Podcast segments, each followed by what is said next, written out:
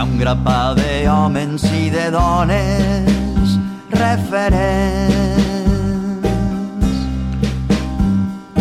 Molt bon dia, amics i amigues. Benvinguts, eh, benvingudes una setmana més a la veu dels drets humans, on, com sempre, contem amb la portaveu d'Amnistia Internacional, la Ribera, Creu Anton. Creu, molt bon dia. Bon dia, David. Bon dia a tots i totes. Bé, avui anem a parlar de l'apartheid d'Israel i dels territoris ocupats. Així és. Sí, Unes... les autoritats israelianes estan utilitzant una tecnologia de reconeixement facial per afiançar l'apartheid uh -huh. en contra de les persones palestines. Uh -huh. De fet, s'ha publicat eh, l'informe Apartheid automatitzat eh, en què es documenta com les autoritats israelianes eh, estan utilitzant aquest sistema experimental de reconeixement facial per a rastrejar palestins i palestines i automatitzar les dures restriccions a la llibertat de circulació imposades a, a esta població, després d'estos dies que hem vist com han hagut ahir agressions i, i sí. vaig, han arribat a una, un alto el foc, diguérem, entre, entre ells, eh, vaig, una situació ja molt complicada. Una vegada molt, més. Molt, I cada vegada més, perquè cada vegada més és un apartheid, aleshores, uh -huh. és el, tot el que comporta, no? L'informe va documentar aquests ús, tant en Jerusalem Oriental ocupada, especialment en les protestes i en les zones que rodegen els assentaments il·legals, com són els controls militars de la ciutat d'Hebron, en la Cisjordània ocupada, on s'escanegen eh, les cares de les persones palestines i s'afegissin sense el seu consentiment a unes bases de dades de vigilància. Anteriorment ja Amnistia va documentar els riscos per als drets humans vinculats a aquesta tecnologia de, de reconeixement facial en, en Índia i també en Estats Units com a part de la campanya d'Andy Scan, que la seva principal petició era la prohibició total del desenvolupament, la venda i, i l'ús d'aquesta tecnologia amb fins de vigilància, no? Però així estan les coses, sí. Uh -huh. Este sistema experimental de reconeixement facial s'anomena Red Wolf. Sí, i serveix per a rastrejar això a palestins i palestines i automatitzar les, les restriccions a la llibertat de circulació imposades a, a aquesta població. I així ho ha manifestat Amnistia Internacional. Uh -huh. De fet, s'ha desplegat en els controls militars de la ciutat d'Hebron a la Cisjordània ocupada, on escaneja els rostres de les persones palestines, els afegís, com dèiem, a aquestes enormes bases de dades de vigilància, i també heu documentat com s'ha incrementat l'ús per part d'Israel d'aquesta tecnologia, eh, especialment després de les protestes i les zones que rodegen els assentaments il·legals. Sí, tant en Hebron com en Jerusalem Oriental ocupada, la tecnologia de reconeixement es basa en una densa red de càmeres de televisió de circuit tancat que estan destinades a mantenir la població palestina baix observació pues, quasi constant, el que diguem apartheid automatitzat, que mostra com aquesta vigilància forma part d'un intent deliberat de les autoritats israelianes de crear un entorn hostil i coercitiu per palestins i palestines amb la fi de reduir al mínim la seva presència en el que és les zones més estratègiques. Uh -huh. La secretària general d'Amnistia Internacional, Agnès Calamar, eh, va manifestar que les autoritats israelianes estan utilitzant aquestes eh, sofisticades ferramentes de vigilància per impulsar la segregació i l'apartheid automatitzat contra la població palestina i en el sector H2 d'Hebron s'ha documentat aquesta forma en què el nou sistema de reconeixement reforça les draconianes restriccions de llibertat de circulació de persones palestines, utilitzen dades biomètriques, adquirides il·legalment eh, i eh, controlen els moviments de la població palestina a la ciutat. I també he sentit de, de, de, de boca dels residents palestins de la Jerusalem Oriental ocupada i d'Hebron com són omnipresents i estan allí clavades, vaig a les càmeres de vigilància invadint la seva privacitat. Han reprimit l'activisme, han erosionat la vida social i els han deixat una sensació de exposició constant, a més eh, de la contínua amenaça de la força física excessiva i de, la, de les detencions arbitràries, els palestins i palestines ara deuen de fer front al risc de que les rastreche un algoritme o que algú els impedisca entrar en el seu propi barri perquè té informació almacenada en les bases aquestes de dades discriminatòries de vigilància. I aquesta és la il·lustració més recent de perquè la tecnologia de reconeixement facial, quan s'utilitza per a vigilància, és incompatible en els drets humans, no?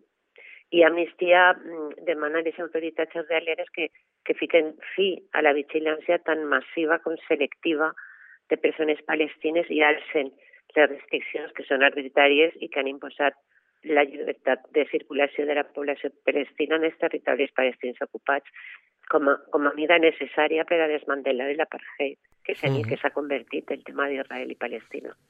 A més, Amnistia també demana la prohibició total del desenvolupament, venda i ús de tecnologia de reconeixement facial amb fins de vigilància i l'organització ha documentat eh, els riscos per als drets humans vinculats a aquesta tecnologia a la Índia i als Estats Units com a part de la campanya Veto a l'escaneig. Exactament, ja hem dit on es va, està centrat, no? que és en Hebron i Jerusalem Orientat i són les úniques eh, ciutats dels territoris palestins ocupats que tenen assentaments israelians dintre dels seus límits. I l'informe s'ha basat en dades recopilades durant una investigació que es va portar a cap sobre el terreny eh, l'any passat, eh, que incluïen entrevistes amb residents palestins i l'anàlisi de material procedent de fonts obertes i testimonis de militars i exmilitars israelis i aquests testimonis van ser proporcionats per l'organització israelí Breaking the Silence eh, es van utilitzar per a corroborar les conclusions d'Amnistia Internacional sobre com funcionaven aquests sistemes de reconeixement facial d'Israel. Uh -huh. En virtut d'un acord establit en 1997 entre les autoritats israelianes i l'Organització per a l'Alliberament de Palestina, Hebron es va dividir en dos sectors, H1 i H2. L'H1 es constitueix el 80% de la ciutat, administrat per les autoritats palestines, mentre que Israel manté el control de la part 2, que inclou la ciutat vella. En H2 viuen 33.000 persones palestines, junt amb aproximadament 800 colons israelians que resideixen il·legalment en almenys set enclaus dels assentaments. Sí, que a més van rodejant-los, no? La població palestina que resideix en Acdós està sotmesa a unes restriccions bàrbares de circulació. No se'ls permet accedir a certes carreteres que sols estan obertes per als colons israelins. Hi ha una xarxa de controls militars i altres obstacles que, que dificulten la, la vida quotidiana d'ells, no? Els colors israelians d'Hebron, per exemple, viatgen per carreteres diferents a les de la població palestina i no tenen que passar per els llocs de control. Uh -huh. I és que és una apartheid total. Ja. Apartheid automatitzat revela l'existència d'aquest sistema de reconeixement facial anomenat Red Wolf eh, i existeixen forts indicis eh, que suggereixen que Red Wolf està vinculat amb altres dos sistemes de vigilància gestionats eh, per l'exèrcit, Wolfpack i Blue Wolf. Wolfpack és una enorme base de dades que conté tota la informació disponible sobre les persones palestines en els territoris ocupats. Sí, i en aquesta informació incluïs eh, el lloc on viuen, qui són els seus familiars, si les autoritats israelianes les busquen per interrogar-les, per interrogar i el Blue Wolf és una aplicació a la que les forces israelianes poden accedir eh, mitjançant els smartphones, les tablets i que poden mostrar immediatament la informació almacenada en la base, en la base de dades de Wolfpack. Vull dir, el Wolfpack i el, el Blue Wolf estan a, a, associades, no? I una te porta a l'altra, no? I, i, I amb els dos porten al, al Red Wolf, que, que és on està tota la informació. Uh -huh. eh, per exemple, quan una persona palestina travessa un control en el que està funcionant Red Wolf, li escanegen la cara, no?, sense el seu consentiment, per, eh, per supost, i, i el comparen amb entrades biomètriques de bases de dades que contenen exclusivament informació sobre palestins i palestines. Aleshores, aquest Red Wolf utilitza aquestes dades per a determinar si una persona pot o no passar un control i registrar automàticament totes, totes les dades de qualsevol rostre nou que escanetge. Si no existís registre d'aquesta persona, li nega el pas. Aleshores, Red Wolf també podria negar l'entrada basant-se en altra informació que està almacenada en perfils de, de, de, de, de persones palestines. Per exemple, si a una persona se li busca per interrogar-la o se li busca per a, per a detindre-la. Uh -huh. A mesura que passa el temps, Red Wolf va ampliant la seva base de dades de rostres palestins eh, i en un testimoni prestat a Breaking the Silence, un uh, comandament israelià eh, destinat a Hebron va contar que als soldats se'ls encarrega ensinistrar, adiestrar i optimitzar l'algoritme de reconeixement facial de Red Wolf per a que comenci a reconèixer rostres sense necessitat d'intervenció humana. Exactament. Inclús Amnistia ha documentat mitjançant el testimoni de personal militar com s'ha dit, no? la vigilància de la població palestina. Per exemple, dos soldats destinats a Hebron en el 2020 ja van contar que l'aplicació Blue Wolf genera classificacions basades en el nombre de persones palestines registrades i els comandaments israelians premien el batalló que obtinga la puntuació més alta. D'aquesta manera, els soldats israelians tenen un incentiu per mantenir la població palestina a aquesta observació constant. Uh -huh. Hi ha càmeres per totes eh, parts? Sí, estem en una societat ja un poc, no sé, distòpica, però real, eh? eh Amnistia també ha documentat com els sistemes de reconeixement per intel·ligència artificial utilitzats en Israel estan basats en una infraestructura física de hardware de vigilància. L'exèrcit ha descrit Hebron com una ciutat intel·ligent i la realitat és que els carrers estan plens de càmeres de vigilància muntades en els costats dels edificis, en, en torres de vigilància, en teulades, en semàfors. Vull dir, eh, ja, ja, ja la segregació és dràstica, doncs, doncs en això es, es duplica o es triplica, no? Per a la població palestina la vigilància està omnipresent i s'ha intensificat la sensació de que en algunes zones d'actos eh, estan prohibides, inclús zones que estan a tan sols uns, a uns metres de sa casa. El barri de Tel Rumeira, per exemple, que està cerca, eh, proper del control 56, està equipat almenys en 24 dispositius de vigilància audiovisuals i a tres sensors. Ella, un xic, una persona que resideix en Tel Rumeira, va descriure com la instal·lació del control 56 en, en abans pròspera eh, carrer Susada, unida a la forta presència militar i a quasi 30 anys de restricció a la circulació i tancament forçat de, de negocis palestins, doncs havia ja matat tota forma de vida social que abans era mm, el cor, diguem, de, del barri, no? Uh -huh. I també va descriure la forma en què soldats israelians pareixen basar-se en el sistema de reconeixement facial de Red Wolf per impedir que els residents tornen a, a les seues cases. Eh, els soldats te diuen el teu nom no està en la base de dades. És tan senzill com això. I com que no està en la base de dades, tu no tens permís per a passar a ta casa. I això és molt fort, és clar. Ja. Eh, Ciutat Vella, tecnologia nova. Al Jerusalem Oriental eh, ocupat eh, en la Ciutat Vella, Israel eh, manté una xarxa de míssils eh, de càmeres de videovigilància coneguda com Mabat 2000 i des de 2017 les autoritats israelianes han anat modernitzant aquest sistema per millorar la seva capacitat de reconeixement facial i aconseguir un poder eh, de vigilància sense precedents. Sí, Amnistia es va encarregar de fer un, un mapa de les càmeres de videovigilància en una àrea de 10 quilòmetres quadrats en la Jerusalem oriental ocupada, incloses la ciutat vella i Sekin Harra, perquè bueno, allí van haver moltes mogudes, continuen havent-les, però va haver una no fa molt. I va concloure que hi havia una o dues càmeres cada 5 metres. Vull dir, les autoritats israelianes han plenat de noves ferramentes de vigilància llocs d'importància tant cultural com política com la Porta de Damasco, per la que s'entra a la ciutat vella, que ha sigut tradicionalment un lloc en la que la població palestina es reunia i també celebrava protestes. No? I en aquesta gran, gran quantitat de, de càmeres ha tingut això un fort impacte en la població palestina. No? Per exemple, ells tenen la sensació de que estan tot el temps sent observats, no? Eh, inclús eh, quan van passejar no van a comprar, cada vegada que veuen una càmera pues, doncs es fiquen nerviosos com si estigueren, eh, com si foren delinqüents contínuament, com si ells foren objectiu, no? Està clar que aquesta vigilància massiva està violant el dret a la privacitat, a la igualtat i a la no discriminació. I també té un efecte inhibidor en el dret a la llibertat d'expressió i de reunió pacífica, ja que dissuadeix a la població palestina de protestar i intensifica una atmosfera que ja de per si és de, de, de molta por i de molta repressió. N'hi ha un periodista palestí que va contar a Amnistia Internacional que els que es manifesten saben que encara que no els detinguen allí mateix, les seues cares seran captades per les càmeres i poden que els detinguen més tard.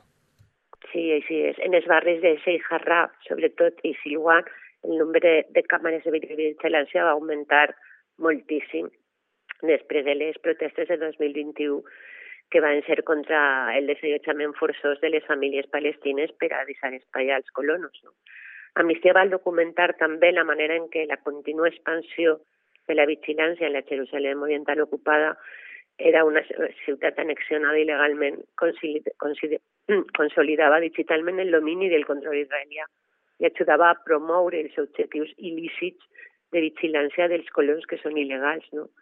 La vigilància no sols es dissuadís de les protestes en contra de l'ampliació d'aquest assentament, sinó que també les autoritats com els colonos israelians han instal·lat més infraestructura addicional eh, al voltant de zones que són cercanes, que estan properes a aquests assentaments.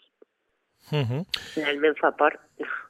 Amnistia no pot afirmar amb certesa quines empreses estan proporcionant a les autoritats israelianes el software de reconeixement facial, però els equips d'investigació han identificat proveïdors de diverses càmeres que han trobat en la Jerusalem eh, oriental ocupada i han documentat càmeres de videovigilància d'alta resolució fabricades per l'empresa xinesa Hikvision eh, i instal·lades en zones residencials i muntades eh, en infraestructura militar, així com alguns d'estos models, segons la pròpia publicitat comercial de Hikvision, eh, poden connectar-se amb software eh, extern de reconeixement facial.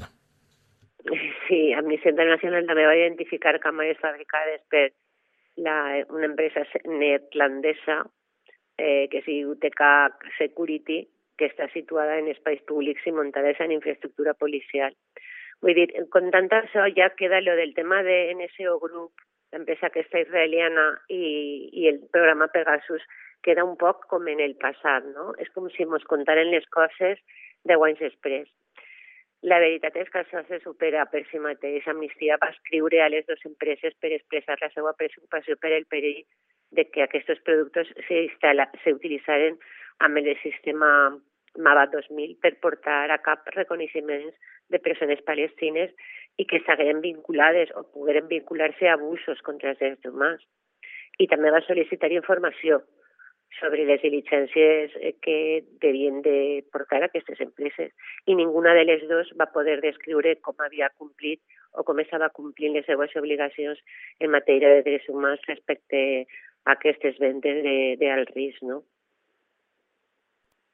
De tota manera, eh, segons el, el, el lloc web de TKH Security, en 2017, una empresa israeliana que es diu Maltec Technology Solution, Maltec en general, es va convertir en el seu distribuïdor oficial per al mercat israelià. I en la seva resposta a Amnistia Internacional, TCAC Security va dir que no ha fet negocis amb Maltec en els últims anys i que actualment no té una relació empresarial directa amb les forces de seguretat israelianes. Vull dir, si tu tens un producte i el vens, tu dices de ser responsable del, del que facin en aquest producte. Tu simplement el fabriques i el vens. Uh -huh. Com es va fer en Pegasus, com va fer en aquest grup en Pegasus. Pegasus era un programa que es va vendre. Una vegada s'ha venut, la responsabilitat recau en el país i com l'utilitza cada país. Ja. Yeah.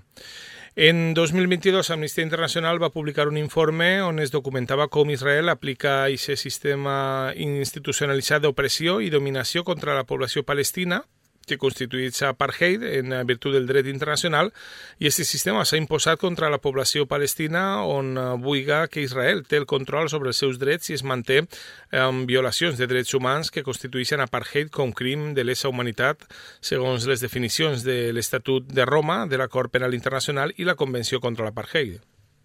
I en virtut del dret internacional de drets humans, la ingerència de l'Estat en el dret a la privacitat deu ser un mitjà, un mig demostrablement necessari i proporcionat per alcançar un objectiu legítim. Vull dir, l'ús per part d'Israel de la vigilància contra la població palestina no complís aquests criteris. A més, ajuda a restringir la llibertat de circulació en el context d'una ocupació que ja de per si és molt prolongada, un assentament il·legal o una annexió afiança més la segregació que de per si n'hi ha i la fragmentació del poble palestí i en última instància contribueix a mantindre el sistema de l'apartheid que, té, que està instaurat. Uh -huh. Parlem eh, ja de bones notícies. Eh, a Espanya el Constitucional protegeix el dret a l'avortament i ha tombat el recurs del Partit Popular. Doncs sí, el Tribunal Constitucional aprova per majoria una sentència que avala la llei d'abort de 2010 i va rechaçar el recurs que va presentar el Partit Popular fa més de ja d'una dècada. El recurs del PP qüestionava tant el sistema de plaços com també la informació que es donava a les dones embarassades que volien o necessitaven avortar i la incompatibilitat de tot amb el dret a la vida, no? I Amnistia Internacional considera que això és una excel·lent notícia per a les dones i per a les xiquetes del nostre, del nostre país. Uh -huh. El passat dissabte hi hagué una trobada intercultural d'hores i poesia hacia la nostra ciutat. Sí, va ser un èxit, va ser de la sisena i jo crec la millor. No? Eh, sabem que la, la el taula per la convivència té sabem el que és, les associacions que formen part d'ella, però va cridar realment l'atenció i eh, he volgut dir en aquest programa perquè regalàvem un punt de llibre amb un poema. El poema es diu Diversament i Dones es basa en el poema En construcció de Begoña Pozo. I aquests versos són creació del taller literari de la Fundació Sepaim i Amnistia a la Ribera l'any 2021 com a proposta d'acció, no? de sensibilització per als centres educatius. El 13 de maig de 2023 eh, va ser, bueno, ha sigut, ha sigut recitat en la sisena trobada intercultural de dones i poesia i diu així, diversament dones, ni jove, ni vella, ni grossa, ni prima, ni dòcil, ni rebel, ni senzilla, ni snob, ni negra, ni blanca, ni d'ací, ni d'allà. Dones, senzillament dones, diversament dones. I també jove, i vella, i grossa, i prima, i dòcil, i rebel, i senzilla, i snob, i negra, i blanca, i d'ací, i d'allà. Dones, senzillament dones, diversament dones.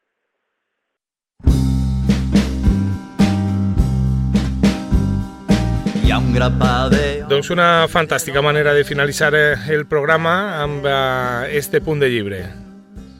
Així és, donat que la bona notícia o la millor notícia fins ara en Espanya és que el Constitucional protegís el dret a l'abort, eh, doncs que millor que el punt de llibre que repartirem en, en la trobada intercultural Dones i Poesia que parla de, de les dones i la diversitat d'elles. Molt bé, fantàstic. Moltíssimes gràcies, Creu. Gràcies a tu i gràcies a vosaltres, gràcies a tots i fins pròxims dijous. Molt bé, fins el pròxim dijous. Recorden que poden trobar Amnistia Internacional en les seues xarxes socials, així com també posant Amnistia Internacional a la Ribera en el buscador. Eh, ahí troben eh, directament l'adreça, com també en el carrer Doctor Ferran número 45. Tornem el pròxim dijous portant-los eh, i donant-li més veu als drets humans a partir de les 10 i mitja així a la sintonia d'Alcira Ràdio. Adeu! Dels drets.